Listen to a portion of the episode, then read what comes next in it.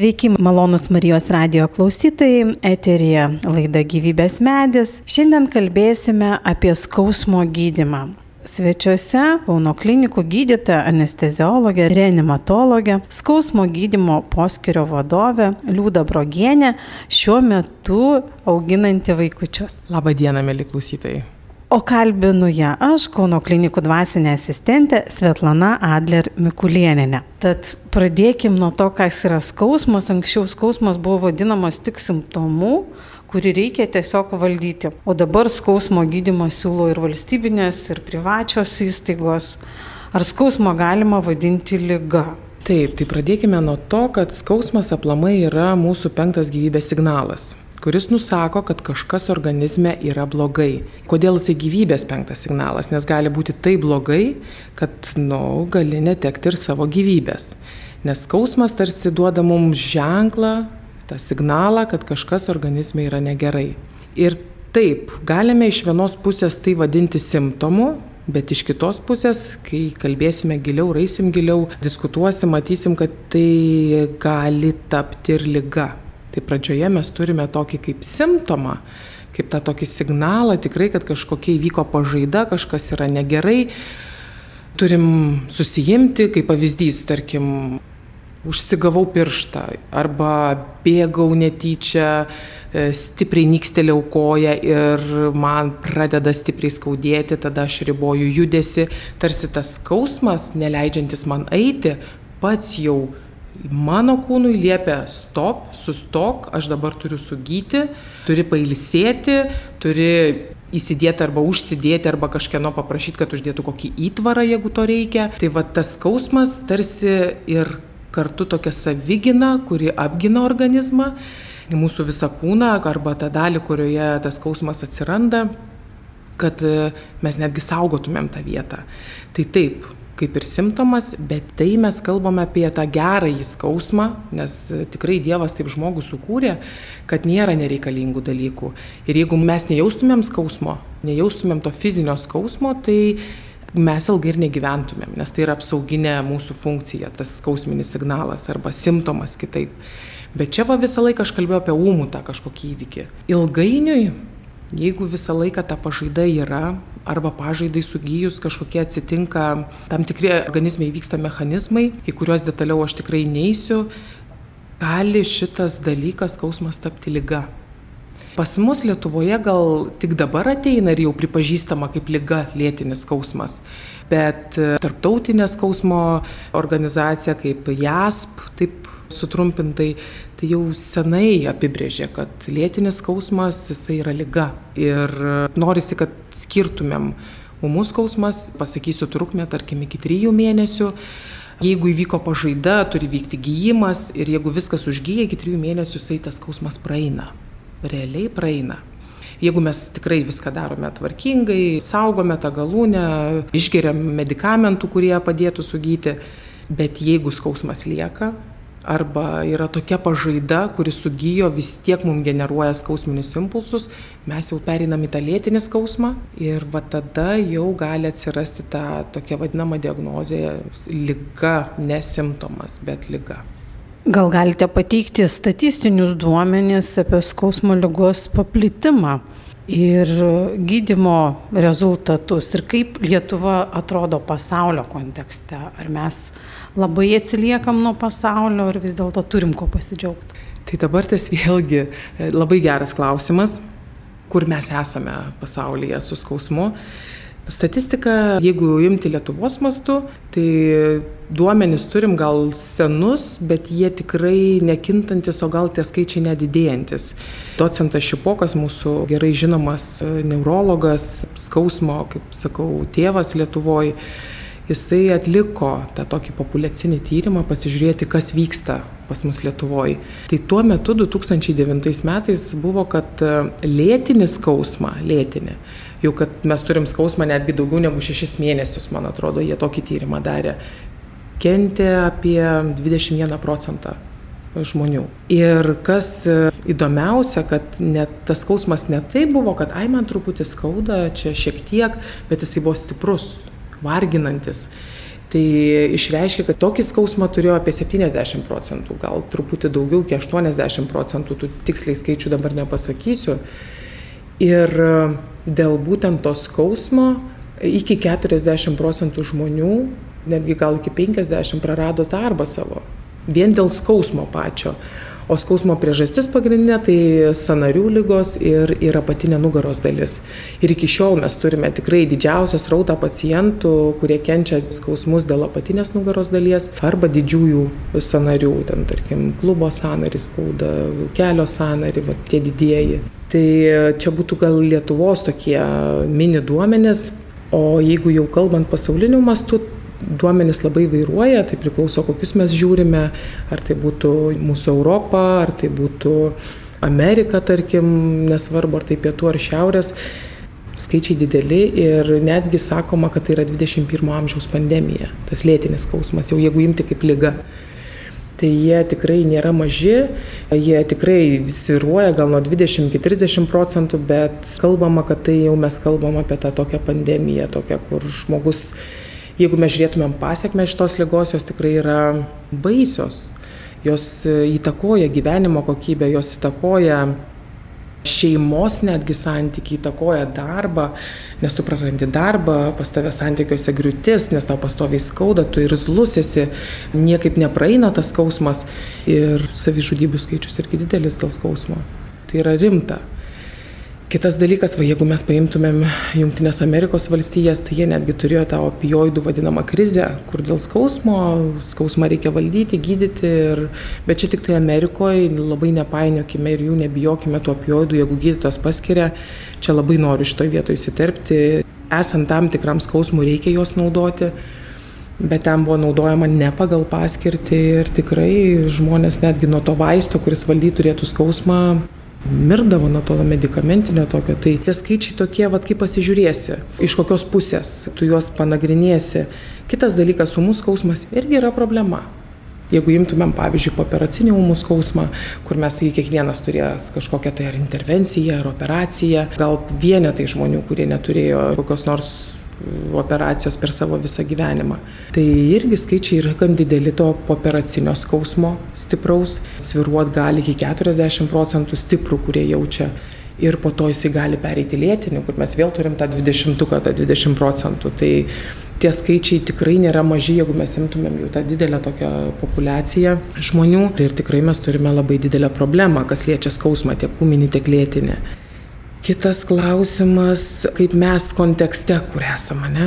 Tai iš vienos pusės tikrai neatsiliekam. Neatsiliekam, mes einam kojant kojant su skausmo paplitimu. Negaliu sakyti, kad pirmaujam, nes tikrai tas skausmas visose valstybėse, kokį kampą paimtum pasaulio, jisai tikrai yra gan rimtas klausimas, todėl va šitoj vietoj mes koja kojon. Kas liečia, tarkim, gydimo metodus arba pačio kaip skausmo Nu, netgi to pačios kaip specialybės pripažinimo, netgi nuo čia pradėkim, tai mes labai atsiliekam. Ruošimo specialistų, skausmo gydytojų mes labai atsiliekam. Jeigu mes paimtumėm tokias Europos šalis, pavyzdžiui, kaip netgi Vokietija, kuri ne per toliausiai nuo mūsų, tai jie netgi turi rezidentūrą visą metų laiko skirtą skausmo klausimams. Jeigu mes paimsime artimiausia žinoma, nu, jungtinė karalystė. Vėlgi jie turi tam tikras metodikas, kaip išmokyti savo jaunus kolegus skausmo valdymo meno ir tikrai tu netapsi gydytojų, skausmo specialistų, jeigu nepraeisi metų kurso, tarkim, arba to fellowshipo vadinamo. Tai kiekviena tarsi turi tą paruošimą specialisto ir taipogi mokslo srityje vėlgi negaliu sakyti, kad labai gal atsiliekam nes tikrai būčiau neteisi, mes, kurie dirbam skausme, arba asmenys, kurie vysto mokslą skausmo klausimų, tai tikrai nėra čia tokio atsilikimo. Gal mes atsiliekam labiau tokioj biurokratiniuose klausimuose. Mes žinom, kaip reikia daryti, kas turi būti, bet kol tai pajuda, kol mes kažko išprašome, kaip sakant, tai kad tą turėtumėm, ką turi kitos šalis, arba kad tas būtų pas mus kaip yra kitur, Tai yra va, čia va, tas atsilikimas, gal didžiausias stabdis. O specialistai, kurie dirba, domisi skausmu, jie stažuojasi, jie pamato, kas vyksta pasaulyje, jie grįžta, kiek leidžia galimybės pritaiko šitus visus metodus įgytus, išmoktus, kad padėtų skausmą kenčiančiam mūsų pacientui. Kaip ir esame tikrai netoli, visais atžvilgiais, ar netgi skausmo paplitimu, žiniomis, mokslu, bet kartu labai ir nutolę. Tai toks, va, norisi, kad viskas būtų tikrai koja kojon, bet taip pasakyti dabar negaliu, kad taip yra. Ir esat Kauno klinikų, anesteziologijos klinikos gydytoja ir skausmo gydimo poskiris. Ar seniai jisai atsirado ir truputėlį istorijos, kaip Lietuvoje vystėsi šitas skausmo gydimo sritis? Taip, istorija labai įdomi, ypatingai mūsų Lietuvos, nes, kaip ir minėjau, vis tiek tas pionierius pačios skausmo suvokimo arba tos medicinos skausmo, ne, ne įstaigos kažkos įkūrimo, bet tos skausmo medicinos. Tai du tokie asmenys Bumblienė, Amžinatelis ir docentas Šiupokas, jau kurį minėjau, tai jie tokie buvo vedliai. Atnešti į Lietuvą tos naujus gūsius skausmo medicinos. Ir pirmoji skausmo klinika įsikūrė Vilniuje, jeigu nepameluosiu, tai 1994 metais. Ir 2002 metais spalio mėnesį mūsų Kauno klinikos įkūrė padalinį, taip vadinamą skausmo gydimo poskirį.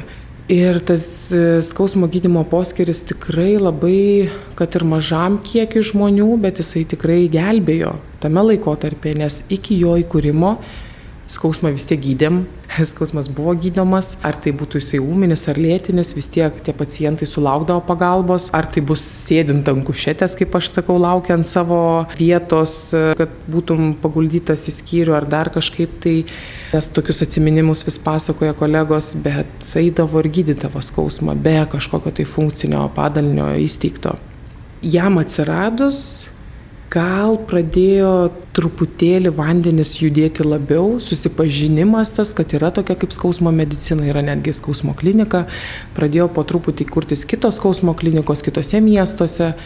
Alytus, Klaipėda, Panevežys, Kedainiai irgi vis atsidarydavo po savo tai ar kabinetą, ar po kliniką.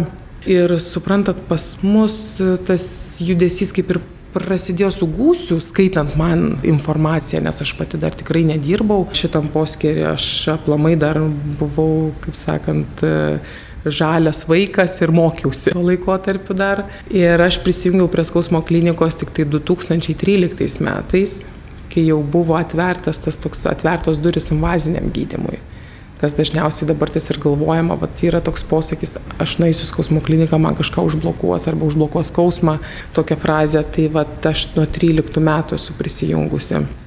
Ir veidas e, tikrai keitėsi, man būnant matant, nes mes dirbom tikrai tokiom sąlygom, sakyčiau, nu, labai jaukiom, nes labai buvo patalpos labai labai labai mažos ir mes kaip kolegos visi tikrai labai jaukiai viską žinodavom apie kiekvieną vienas kito pacientą ir panašiai, bet negalėdavom jų daug priimti, nes nu, nebūdavo nei kur, nei kaip. O dabar tikrai mes esame išsiplėtę, gavome ilgai lauktas didesnės patalpas, priemame daugiau pacientų savo skausmo klinikoje, atliekame daugiau funkcijų, galima sakyti turime ne vienos ryties specialistą, ne tik anesteziologas, nors nuo pačio įkūrimo skausmo klinikos dirbdavo ir anesteziologas, ir neurologas pagal tą suvokimą, kad tai vis tiek turi būti kažkoks komandinis darbas, tas už, užsimesgymas, nes skausmą suvaldyti, tai vis tiek reikia to komandiškumo, jisai būna gan tikrai sudėtingas. Tai veidas keitėsi, dabar tikrai turime didesnės patalpas, priemam daugiau pacientų, matome įvairesnius visokius skausminius sindromus ir stengiamės padėti, kuo tik galim. Tai gal trumpai taip. Grįžtame prie skausmo lygos. Jūs jau truputėlį minėjot, kaip jį vystosi, tai jeigu ilgai, daugiau negu pusę metų negydomas skausmas, kaip toliau vystosi, jūs sakėt, kad pasiekmes gali būti labai sudėtingos ir kaip vis dėlto, kai gydomas. Aš visą laiką savo pacientams sakau, nereikia kentėti skausmo, jeigu mes jį galim numalšinti. Būna tikrai situacijų, kad tu viską darai, bet tas skausmas yra. Imkime kaip pavyzdys, tarkim, po operacijos. Nu, Tai yra paprasčiausias, vaizdžiausias pavyzdys. Būna pacientai masto, taigi mane pjovė, man turi skaudėti, pakentėsiu. Ir kenčia be galo, kol jau ten ašaros per akis nelipa, arba jau taip skauda, kad net įkvėpti negali, kvepuoti, tada jau kažką tai kažkur bando pasakyti arba surasta pagalba. Yra ir kolegų, kurie galvoja, nu irgi gali taip grubiau gal pasakyti, taigi tave pjoviau, nu turi skaudėti, pakentėk truputį, nekantrus, tu čia dabar ties ar dar kažką.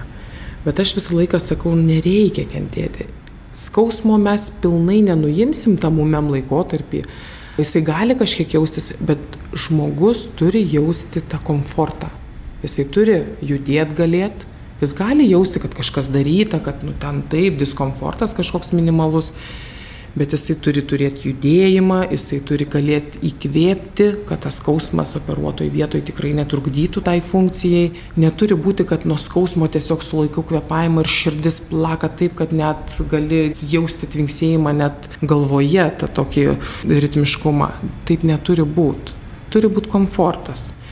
Tai va aš visą laiką sakau, kad kentėti nereikia, nes Yra įrodymų, mes netgi savo studijom, moksliniais tyrimais tą patvirtinom savo populiacijoje, klinikų populiacijoje, netgi po mažų intervencijų, kad kuo tu ilgiau kenti stiprų skausmą, tuo tikrai didesnė rizika įsivystyti lėtiniam. Tai reiškia, tu tą skausmą turėsi pastoviai. Reiškia, tau skaudės po mėnesio, tau skaudės po dviejų mėnesių, tau taip pat skaudės po trijų mėnesių, tas skausmas keis vaizdą, jisai taps kitoks, jausi gal net ir deginimą, kažkokį dilgčiojimas atsiras ir tu jau net nežinos, tas skausmas gali plisti, nes jau užsiveda smegenų, centrinės sistemos tam tikri pokyčiai ir tada tu net nežinai nuo ko, kaip, kur tau skauda, nes jau tada atrodys, kad jau viskas skauda. O prasidėti gali tiesiog nuo menkiausio va to kažkur tai pamastymo, pakentėsiu, nes mane operavo. Tai to daryti nereikia. Jeigu, tarkim, labai gydytojai ar personalas užsijėmęs, nes mes žinome, kad ir slaugytojų krūviai dideli, ir gydytojai vienas po kito, tarkim, į operacinę veža tos pacientus, nu tikrai tie krūviai nežmoniški, gal primiršta, gal prabėgom paklausė, kaip jaučiatės, bet nepasako, tarkim, klausimo, ar, ar jums neskauda. Ir žmogus iš mandagumo, ne, ne, viskas gerai, daktarė, nes trukdyti nenori. Ne, reikia sakyti, pasigauti bėgančią slaugytoją ir sakyti, man skauda. Pasigauti bėgantį daktarą ir sakyti, man skauda, ar galima vaistų nuo skausmo, jeigu yra tokia situacija.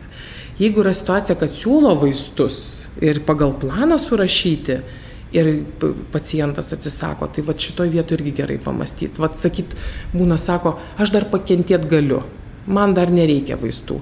Tai va šitoje vietoje irgi norėčiau, kad labai susimastytų, nes tas planas sudarytas būtent tam pacientui ir būtent, kad turėti tą prevenciją, kad išvengti, kad neįvyktų kažkas tai vėliau arba tas skausmas neužsiliktų. Nes aš kalbu labai paprastai, tais tokiais paprastais žodžiais, kad suvoktų klausytojas. Ir, ir kitas dalykas, nu, vat, mes netgi tokį terminą esam pasakę, kaip galima numatyti, ar pacientas turės tą lėtinį skausmą ateityje ar ne.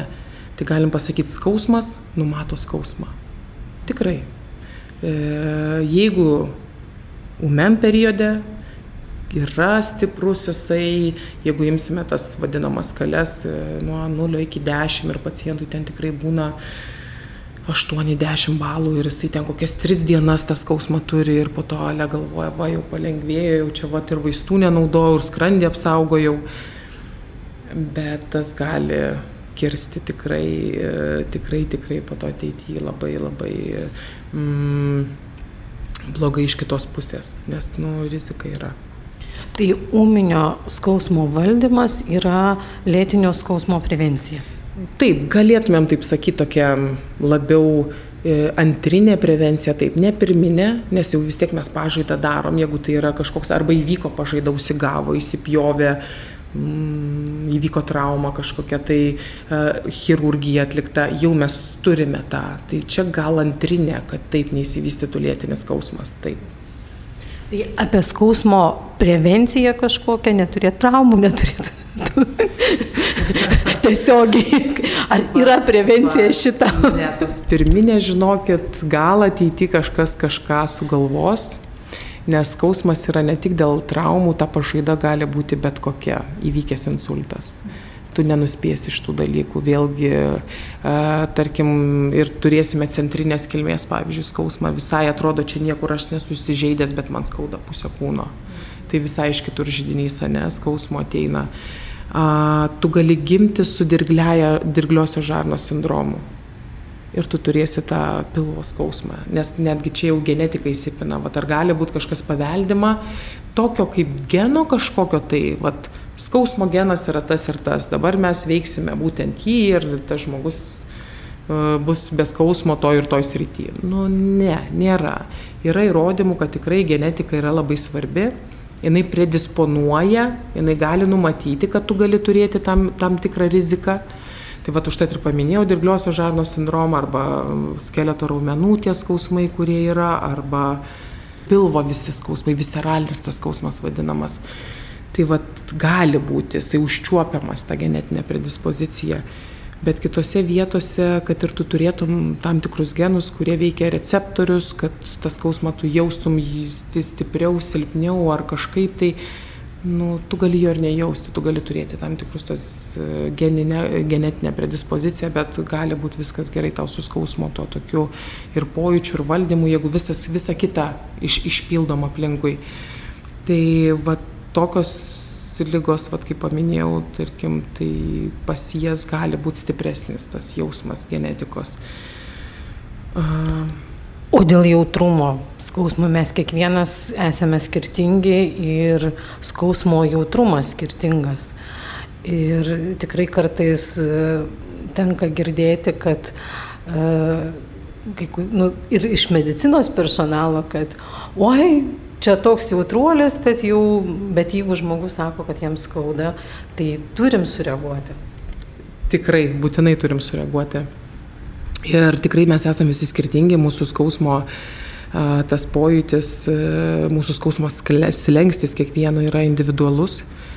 Ir žinot, va tas jautruolis, kuris verkia dėl skausmo, jo rizika iš vienos pusės gali būti, gal ir gali būti didesnė lėtiniam skausmui, nes katastrofizacija tokia kaip ir išreiškia, o kas yra rizika lėtinio skausmo išsivystymui, bet kita vertus jisai išsako greičiau.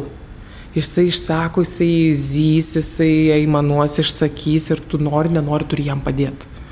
Nu, todėl, kad, vad, žinot, kaip yra tam rašte, belsk, bels, bels, kol netidarys ir gausis tą pagalbą, nes tiesiog tikrai bus įkyrus. E, kita vertus, gali labai klaidingai būti ir pasakyti, ai, nu tai va, jis visą laiką verkia, ten nėra taip, jam taip neskauda. Tai va šitoj vietoj norėčiau sustabdyti ir va jūs labai gerai pasakėt, kiekvienas žmogus, kaip sako, mes taip turim jo klausyti ir ištirti ir pasižiūrėti, koks tas skausmas, koks pobūdis, dėl kokios priežasties skauda, įvertinti visą tą skausmo kliniką, o ją gali atlikti kiekvienas gydytojas. Tai yra, ką mes mokinamės penktam, gal dabar net ketvirtam kurse, septyni elementarūs klausimai apie skausmą ir mes žinosime, koks skausmas, kur plinta, kada atsirado, kokio jisai pobūdžio šaudo, maudžia ar kažkas tai ir mes tada turim valdyti. Tai vad tokios dvi pusės yra va, to tokio paciento, bet tas, kuris tyli, yra dar blogiau. Nes va tas, kuris tyli, kenčia, kenčia, va tada jau ir jo kelias tikrai yra į tą lėtinio skausmo galimą uh, lygą, ir tie skausmai tada atsiras ir kitur, ir dar kitur, ir tada vieną dieną jisai sproks ir gali tikrai pasibaigti nelaimę. Tiesiog nelaimė šiaip kokia šeimoje ar aplinkui, darbe, bet gali būti rimta nelaimė atsitikti, nes tiesiog jau žmogui bus per daug, jis tiesiog tylės, nesakys, kenties tą skausmą, o skausmas darys vat, kas vyks centrinėje nervų sistemoje ir toj mūsų periferijoje darys savo darbą ir žmogus gali tikrai, jam gali būti blogiau. O kas nustato, vat jūs paminėjot, kad kiekvienas gydytojas gali nustatyti, bet ar tai yra ambulatoriška ir šeimos gydytojas, kas dalyvauja skausmo nustatymė ir gydime? Šiaip dalyvauti nustatymė ir gydime turėtų visi Nes skausmas gali būti jo valdymas kitaip arba nustatymas toksai, mes net turim dokumentą 2018 metais paruoštą, kuriuo galime remtis. Tai yra nespecifinis skausmo valdymas, tai reiškia, kiekvienas gydytojas turi atpažinti, kad žmogui skauda, kur skauda, kaip skauda, koks intensyvumas, kaip aš sakiau, užduoti tuos 7-8 klausimus, pradėti gydimą nuo skausmo, nes jeigu tai yra skausmas, tarkim, e, nocicepsinis, kažkoks tai uždegiminis, a, tai mes duodame, pradedame vaistų kursą su nesteroidiniais vaistais prieš uždegimą arba, nu, jau priklauso nuo paciento, bet pradėti gydimą gali ir šeimos gydytojas, ir specialistas kitas, kaip pavyzdžiui, traumatologas ir reumatologas, kurie irgi labai skausme gilinasi ir jie turi tų žinių. E, bendrosios praktikos chirurgas, nu, visi gydytojai, iš esmės jau čia ne visų neišvardinsi, visi turi atpažinti skausmą, įvertinti jį, vat, net žodiškai, ten net nereikia, apžiūrėti aišku reikia, pasižiūrėti, ar ten uh, neparaudė, neišberta, ne kažkas tai dar papildomai nelūžė, nu, turim tą irgi vertinti apžiūrą ir tiesiog klausimai pacientui ir paskirti, kad pacientas nekentėtų, paskirti pirminį gydimą. Jeigu tas gydimas neveikia arba kažkas, tai man reikia dar kartu jį siūsti, tarkim, tą pacientą. Vat aš esu šeimos gydytojas, ateina pacientas, sako, man skauda kelio sąnarį. Išsiaiškina viską šeimos gydytojas apie tą skausmą, jisai paskiria vaistų nuo skausmo, duoda siuntimą, mato, kad reikia ištirti, nes nebuvo tyrimai jokie atlikti, duoda siuntimą arba nukreipia, tarkim, savo poliklinikoje pas specialistus, tarkim, renginą atlieka, traumatologą, specialisto traumatologo iš karto konsultaciją. Kadangi mes žinom, kad konsultacijų reikia laukti ilgai, tai mes negalim paciento palikti be vaistų ir vis mes vat, išrašom, stebim jį, kol pacientas patenka pas specialistą ir specialistas žiūri, aha, čia jau yra artrozė, tokio tokio laipsnio, reikia operuoti, nu jis jau perėma tą visą valdymą, tada jau gydytojas traumatologas žiūri, kuo mes gali padėti, jisai gali koreguoti skausmo gydimą ir panašiai, bet dar mes kalbame apie tokį vat, vis tiek nespecifinį. Specializuotas tas specifinis skausmo gydimas, kada jau traumatologas sako, mhm, operuoti negaliu, e, skauda, vaistai nepadeda, mums reikia, kad įsikištų gydytojas dirbantis skausme. Tai va tas gydytojas e, pagal dokumentą mūsų 2018 metų išleistą, tai jame yra surašyti specialistai, kas jau jie ap, apsimtų tą vat gydimą. Tai tarkim, jeigu jau imti tokias tris specialybės, tai būtų neurologas, anesteziologas, gydytojas, reanimatologas ir neurochirurgas kurie jau gali e, tuos pacientus imti ir jau specializuotai gydyti, bet dažniausiai tą daro mm, gydytojas anesteziologas dirbantis skausme arba gydytojas neurologas dirbantis skausme. Jau mes turim po truputį neurochirurgų gydytojų, kurie specializuojasi skausme, irgi galėtų, tarkim, čia šitoje vietoje padėti. Tai tada jau atsiranda visai kitas planas gydimo. Žiūrime, kas padaryta, kaip ištirtas ir tada, ką mes čia galime sureguliuoti, sudėlioti.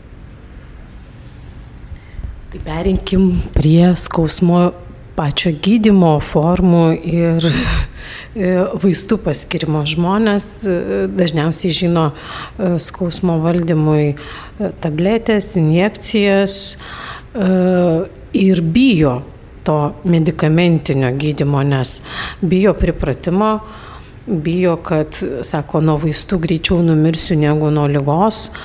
Ką jūs galite pakomentuoti šito klausimu?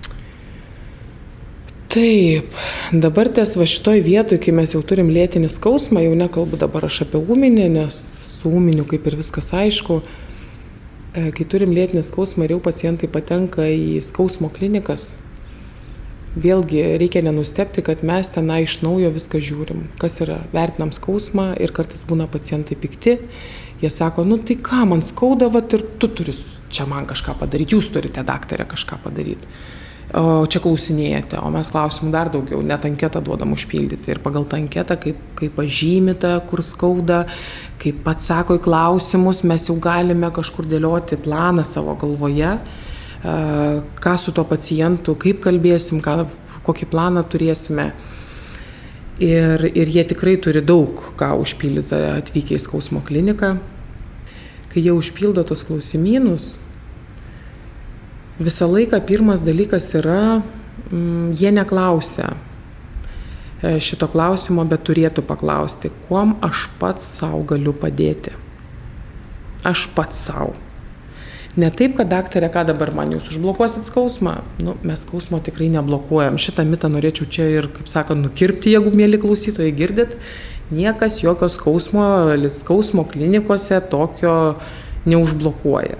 Ten yra tam tikri gydimo metodai, kurie veikia į, į skausmo žydinius, į tuos uždegiminius žydinius e, tam tikri metodai skausmas sumažėja ir atrodo, kad čia kažką kažkur užblokavo. Ne, mes neblokuojam. E, geriausiu atveju jūs gausite blokadą į operacinėje, jeigu jums anesteziologas suleis aplink nervinį rezginį e, vaistų, anestetikų, jums atjungs ranką ir tai čia tas blokas vadinamas kabutėse bus tik tai kurį laiką. Jis vaistai išsivaikščios ir jūs atgausite vėl rankos funkciją. Tai mes nieko tokio vat, neblokuojame. Tai vad klausimą, ką turėtų pacientas užduoti, tai turėtų užduoti, kuo aš galiu savo padėti, nes dažniausiai jie ateina su ta anamnezė skausmo tikrai ilga. Netgi va tos skaičius, kuriuos jums sakiau, statistinius grįžtant prie, prie 2009 metų, trukmė, kiek laiko skauda, nuo apie 8 metus. Ir tada jau kažkur tai išgirsti arba nusprendžia, čia vidutinė trukmė. Vieni kenčia metus, kažkaip tai greitai papuola pas mus, kiti du, tris, būna žmonių ateina po dešimt metų e, to skausmo. Ir va šitoj va jau situacijoje, tai va pirmas, kas turėtų būti, kuo aš galiu savo padėti pats. Nes padėti mes galime, bet jeigu nebus kažkokio bendradarbiavimo arba kažkokio tik tai įsikabinimo vieno, kažkokio išgirsto gydimo metodo, nes kaimynui padėjo, tai ir man šitas turi padėti, tai šitoje vietoje irgi noriu nuliūdinti Jeigu kaimynui padėjo, nebūtinai padės jum, nes skausmas yra skirtingas, priežastys yra skirtingos ir tik gydytojas, kuris vertina tą skausmą, tą vadinamą jau lygą lėtinę, jisai tik tai gali pasakyti, kas gali padėti, sudaryti tą planą vadinamą, o tada jau, kaip sakant, arba priimu tą planą, arba sakau, koks čia daktaras, o čia man pasakė, kad tą ir tą turiu daryti, mankštas turiu daryti. Ir, vat, ir viskas, o daugiau nieko nepadarė. Tai, tai, tai, va, tai mes sudarome tada planą ir tas planas yra tikrai ne tik kažkokia tabletė, ne tik kažkas, tai jisai labai yra nukreiptas į mechanizmą, į skausmo mechanizmą būtent. Gali būti pradžioje mes turime nuimti foną skausmo, nes jau ant tiek, tiek metų kentėjo, ant tiek įsijautrinęs visas kūnas, kad mes turime truputį, kaip aš sakau, atsišaudyti nuo tų antrinių tokių pojūčių skausmų ir panašiai, kad mes surastumėm žydinį. Tai gali būti aplamai vienas iš plano dalių paskirs gydytojas, sakys, dabar mes jums duosim tam tikrus vaistus į veną ir kas dešimt dienų jūs pas mus atvyksit. Nu, kaip pavyzdys. Ir tada jau perkalbėsim. Aišku, paaiškinsim mechanizmą, dar kažką, tai jeigu ten visi tyrimai atlikti ir nereikės paciento atgal siūsti pa šeimos daktarą, kad pilnai ištirtų. Bet dažniausiai yra taip. Mes kalbame su pacientu, Ir pla, planas yra toksai, yra paciento dalis, ką jisai turi daly, daryti, yra mūsų dalis, ko mes galim padėti. Ir mes susakome, tas gydimas gali būti medikamentinis, tai reiškia, duodame vaistų ir žiūrime, kaip jie veikia, kiek tas skausmas sumažina, kaip gali pacientas judėti, grįžti darbus ir panašiai. Jisai gali būti invazinis, tai reiškia, mes atliekam kažkokią tai procedūrą su adatą bijot tikrai nereikia, nes nu, mes tikrai, tie pacientai būna nuskausminti ir atliekant šitas procedūras. Gali būti kombinacija netgi, ant tiek yra sudėtingas skausmas, kas mes galim kombinuoti. E, tos vaistus, medicamentinį ir invazinį kartu.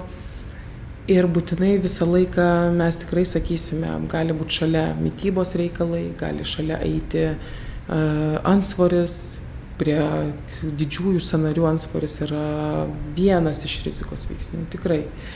Tai galima kalbėti, diskutuoti, galim kalbėti būtinai apie pačio paciento įstraukimą, reabilitacinis gydimas kartu. Tai vad ką aš sakau, pacientas gauna tokį multidisciplininį, multimodalinį tą gydimą. Tai nėra, kad jisai gauna, aha, įdursiu ir čia praeis. Ne, gali būti atveju, įdursiu, praeis, bet jeigu tu nieko daugiau su tuo nedarysi, vėl tu tą pažaidą sukelsi. Kaip pavyzdys, tarkim, darbas konvejerių, tarkim, kažką su viena ranka vis darau, darau, darau, raumenis tam tikros ryties įsijautrina, ten susidaro tokių vadinamų trigerių, susitraukimų raumenų, skauda, nieks nepadeda. Tu tarkim padarai injekcijas į tuos vadinamus trigerinius taškus ir sakai pacientui dabar mankštos ir venkime to tokio trigerio, kuris sukelia tą skausmą. Mankštos, ai, man jau neskauda, dzin, čia viskas gerai, atsiprašau už tokį pasakymą, bet tikrai daug kas taip galvoja. Pamirštam, nes neskauda jau. Ir tada žiūrėk po metų vėl su ta pačia problema ir dar stipresnis skausmas grįžta. Tai mes galime, jeigu tas skausmas yra tikrai sudėtingas, nuimti 30 procentų su savo visais metodais. Bet tas 70 procentų, tai va pats pacientas savo gali padėti. Tiesiog darintamas elementarius dalykus, jeigu jų nežino, vad paklausti, daktarė, kuo aš galiu savo pats padėti, ką man reiktų dabar nedaryti. Ne visą laiką būna situacijos, kad tu gali pašalinti tą dirgiklį. Reikia šeimą maitinti, reikia dirbti, turėjau tokią nuostabią pacientę, jinai melžėja buvo. E, ir tikrai darbas sunkus, nepatogus, tikrai kėdės ne, neprisitaikysi darbe, savo patogios, kokios tik nori. Ir jin tikrai labai kentėjo apatinės nugaros dalies skausmus visą laiką būdavo po kokio rimtesnio savo sezono, jau ateina susukta. Ir žino jinai tą situaciją, bet sako, daktarė, nu negaliu nieko padaryti, vaikus tai maitinti reikia, o aš tik tai tą tokį darbą turiu. Tai vėl yra dalykų, kur tu ir nori, kad pasikeistų, bet tu negali to pakeisti. Kitas toksai kliūtis yra, kai pacientai negali, neišgali nusipirkti vaistų nuo skausmo. Tu žinai, kad padės, jeigu jisai reguliariai gers tą, tą, tą, tą ir tą, ir užtektų 10 dienų. Bet tai kainuoja ir tai nekompensuojama. Ir tam žmogui netgi 10 eurų šiais laikais yra dideli pinigai.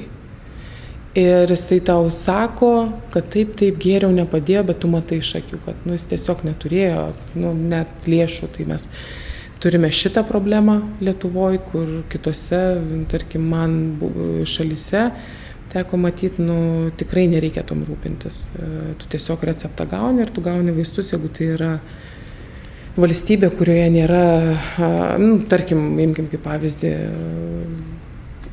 Jungtinė karalystė arba kita Europos šalis, kur draudiminė sistema panašiai mūsų, tik pas mus, tarkim, tikrai skausmo tas gydimas nėra toks pilnai kompensuojamas, kaip norėtųsi. Tai va, tai yra daug tokių va iššūkių e, tam skausmo valdyme, tam plano sudarime.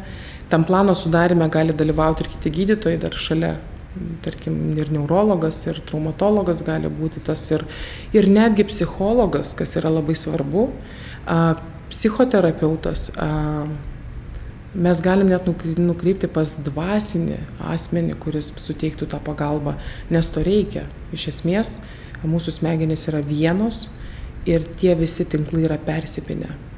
Ir emocinis tas komponentas, jisai tikrai turi didelę įtaką. E, jūs įsivaizduokit, jeigu emocinis mūsų tas komponentas, tas vadinamas katastrofizavimas, gali kraują net uždegiminius tokius markerius kaip aš sakau, kabutėse, pakelti į eterį. Tai jūs įsivaizduokit, ką gali, kaip keičiasi skausmas, kuris tikrai eina per mūsų ir limbinę sistemą, ir visas kitas sistemas, kur tikrai kartais tos jungtis tampa a, negeros, tos patologinės, tas skausmas tampa, jisai nėra tik impulsas į vieną pusę. Yra grįžtamasis ryšys, kuris leidžiasi žemyn. Ir taip mes sukurti Dievo, kad yra tokie ryšiai, kurie kaip tik slopina per didelį skausmą. Ir jeigu toj vasiryti kažkokia yra pažaida, viskas tada mes turime tikrai stiprų skausmą ir pacientas gali, gali būti, kad mes tam pacientui labai sunkiai valdysime tą skausmą. Nes priežasčių gali būti daug, gali būti, kaip minėjau, centrinės kilmės skausmas, kuris labai sunkiai valdomas, po insultų. Atrodo visas priemonės išbandai, Bet e, būna tokių stiprių pacientų, kurie, žinokit, nepasiduoda ir jų ta stipria valia, to viso, ką jie daro ir kaip jie eina per savo tą gyvenimą su to skausmu, tai pavydėtina. E, jie tikrai patys daug savo padeda ir tas skausmą net per pusę susi, gali susimažinti, kai jie suvokia, kodėl skauda, kad kitaip nebus. Ir aš dėl to tikrai nesustosiu įsiu pirmin. Ir man labai primena, suprantat, e, rašto vietą, kaip Paulius turėjo tą vat, dyglį Ir jisai tris kart Dievo prašė, nu pašalink tą dyglį man, ne? mes nežinom, galim interpretuoti, kas tas dyglys buvo, bet tarkim tai yra nepakeliamas skausmas šito atveju. Ir ne, jis nebuvo pašalintas. Bet išvada visai kita Paulius buvo, nekampe susisukus verti, kad tas koks čia gyvenimas negražus, kaip čia kas, bet ne, kaip tik judėti priekinę, savo, savo darbus, kaip sakant, tą bėgimą bėgti ir vykdyti. Tai, tai vat, yra šitų tikrai stiprių žmonių, kitiems reikia tos pagalbos tapti tuo stipresniu. Reikia psichologo pagalbos, dvasinio vadovo pagalbos, reikia e, netgi medikamentų, vat, žmonės labai bijo tų medikamentų. Gydytojas žiūri ir stebi, ką jums duos. Nereikia nieko papildomai ten pačiam iš vaistinės nusipirkti, jeigu jau e, skausmo specialistas jūs žiūri, jisai duos tai, kad kuo mažiau kenktų organizmui. Ir duoti kuo trumpesnį laiką, kad būtų efektyvu. Ir taip, yra vaistų, kurie veikia skrandį, bet geriant tam tikrų laikų, e, tam tikrą vat, kiekį, e, gali būti, įsivaizduokite, būna galvoja, susileisiu, mažiau skaudės. Arba mažiau veiks skrandį, atsiprašau, ne taip pasakiau, mažiau veiks skrandį. Nu ne, tai netiesa, nes vaisto mechanizmas patekus į kraujotaką vis tiek yra veiks skrandį tai mes būnam sudėliojom keletą vaistų mažesnėm dozėm, kad jie veiktų kaip vienas kitam pagalbininkas, taip sinergistai, kaip aš sakau, ir gaunam tą patį efektą. Tai būna išeina pacientai ir sako, prirašė čia man tris tabletės, o vat yra viena ten, tarkim, tabletė ir jau šit, kodėl vat tos vienos ne. Jeigu toje vienoje būtų tos tris tabletės, kuriuo aš noriu, kad veiktų, kaip sakant, kuo mažiau šalutinių poveikių, sustiprintų vienas kito veikimą ir gaučiau tą efektą, tai aš norėčiau tos tabletės, bet dažniausiai tai būna stiprios va, tos tabletės, kuriuo aš noriu dozę sumažinti kaip tik ir pridedu kitų aplinkui. Tai, tai nu, nėra to švietimo, pas mus vat, e, tikrai pacientai iš nežinojimo, nes švietimas pacientų pas mus yra toks, jeigu dar, tarkim, universitetinės ligonės išleidžia arba kažkokį daro švietimą, tai dar gerai. Arba tarkim dabar ties yra mado ir privačios klinikos, mėgsta eiti per švietimą, tikrai didžiaja dalim ten ir lankstinukai, ir a, dabar socialiniuose tinkluose gali pamatyti tos informacijos apie skausmą, kad pritraukti tą, tą pacientą į savo, į savo kliniką, tai atsiranda vis. Bet to tokio paprasto žodžio, vad ko trūksta dažniausiai irgi visoji medicinoje, ne tik skausmo, to bendravimo paciento su gydytoju, ir išsiaiškinimo apie, apie tą lygą, apie tą iki detalių, kad nebūtų, kad mums nieko nepasakė, nieko nepaaiškino, trūksta. Tai mūsų konsultacija, žinokit, gali trukti valandą su naujų pacientų, kol mes viską išaiškinam, kad tikrai suprato. Ir, ir va tada jau mes galime judėti toliau su va, visų tuo gydimo planu, kuris gali būti labai skirtingas. Nes, nesvarbu, kad pacientui skauda keli ir jo kaimynui skaudėjo tą patį kelią ir chirurgas pasakė, man reikia keisti kelią ir jam reikia keisti kelią, vos ne net operacijos diena ta pati, bet aišku, ten laukti reikia ilgai, bet mūsų gydimas gali būti visiškai skirtingas. Ačiū gydytojai Jums už išsamų, įdomų pasakojimą ir paskutinis palinkėjimas Marijos radio klausytojams, nes tikrai yra katalikų, kurie pasiryžę kesti skausmą vienijantį su Kristumi ir matant šitą prasme. E, tačiau jūsų palinkėjimas, kiek kentėti, kiek vienytis. Mano palinkėjimas, nes tikrai, žinokit, tikrai šitą bruožą turi ne tik katalikai, nuoširdžiai kentėti tą skausmą dėl vienokių ar kitokių priežasčių. Bet atsakant į šitą klausimą, nekentėti skausmo, nes Dievas tą mediciną ir davė, mes mums kaip ištinka e, kažkokia tai simptomatika, mes važiuojame prieimimą, kad mums išspręstų tą problemą. Tai taip ir šitoj vietoj.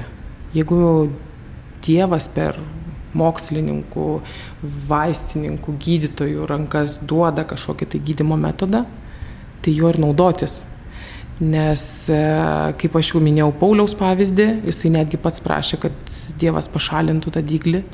Jis nebuvo pasiryžęs va, to, tokį kentėjimą turėti ir susitapatinti su Kristum. Jo buvo kitas kelias susitapatinti su Kristum jisai turėjo kitą bėgimą ir va ten tai jis turėjo kančią irgi tokią rimtoką iš visų pusių, tiek ir fizinį skausmą paturėjo, tiek ir e, į, į, įvairų skausmą e, matome e, apaštalų darbuose, kas, kas, kas surašyta, bet tarkim toje vienoje vietoje jisai kaip tik prašė, šitom trukdo, trukdo man eiti per gyvenimą, trukdo man bėgti mano bėgimą ir trukdo tapatinti su Kristumi, netgi toje kančioje man trukdo. Nes jeigu tavęs, tarkim, atvirai pasakysiu, jeigu tavo charakteris tampa bjauresnis, jeigu tu jau pradedi matai ir būti irzlesnis dėl skausmo, tas tikrai paveikia aplinkinius, aplinkiniai mato, arba tu nekalbi, nebendrauji, užsidarai, mes irgi pakviesti bendrystėj. To neturėtų būti. Tai mano toks patarimas, kad nekentėti skausmo ir jį valdyti, nes gyvenimas atneš dar daugiau kančios, savotiškos ir to skausmo, negu tarkim vat, ten, kur mes galime suvaldyti. Tai vat, tą ir patarčiau iš esmės. Dėkoju Jums.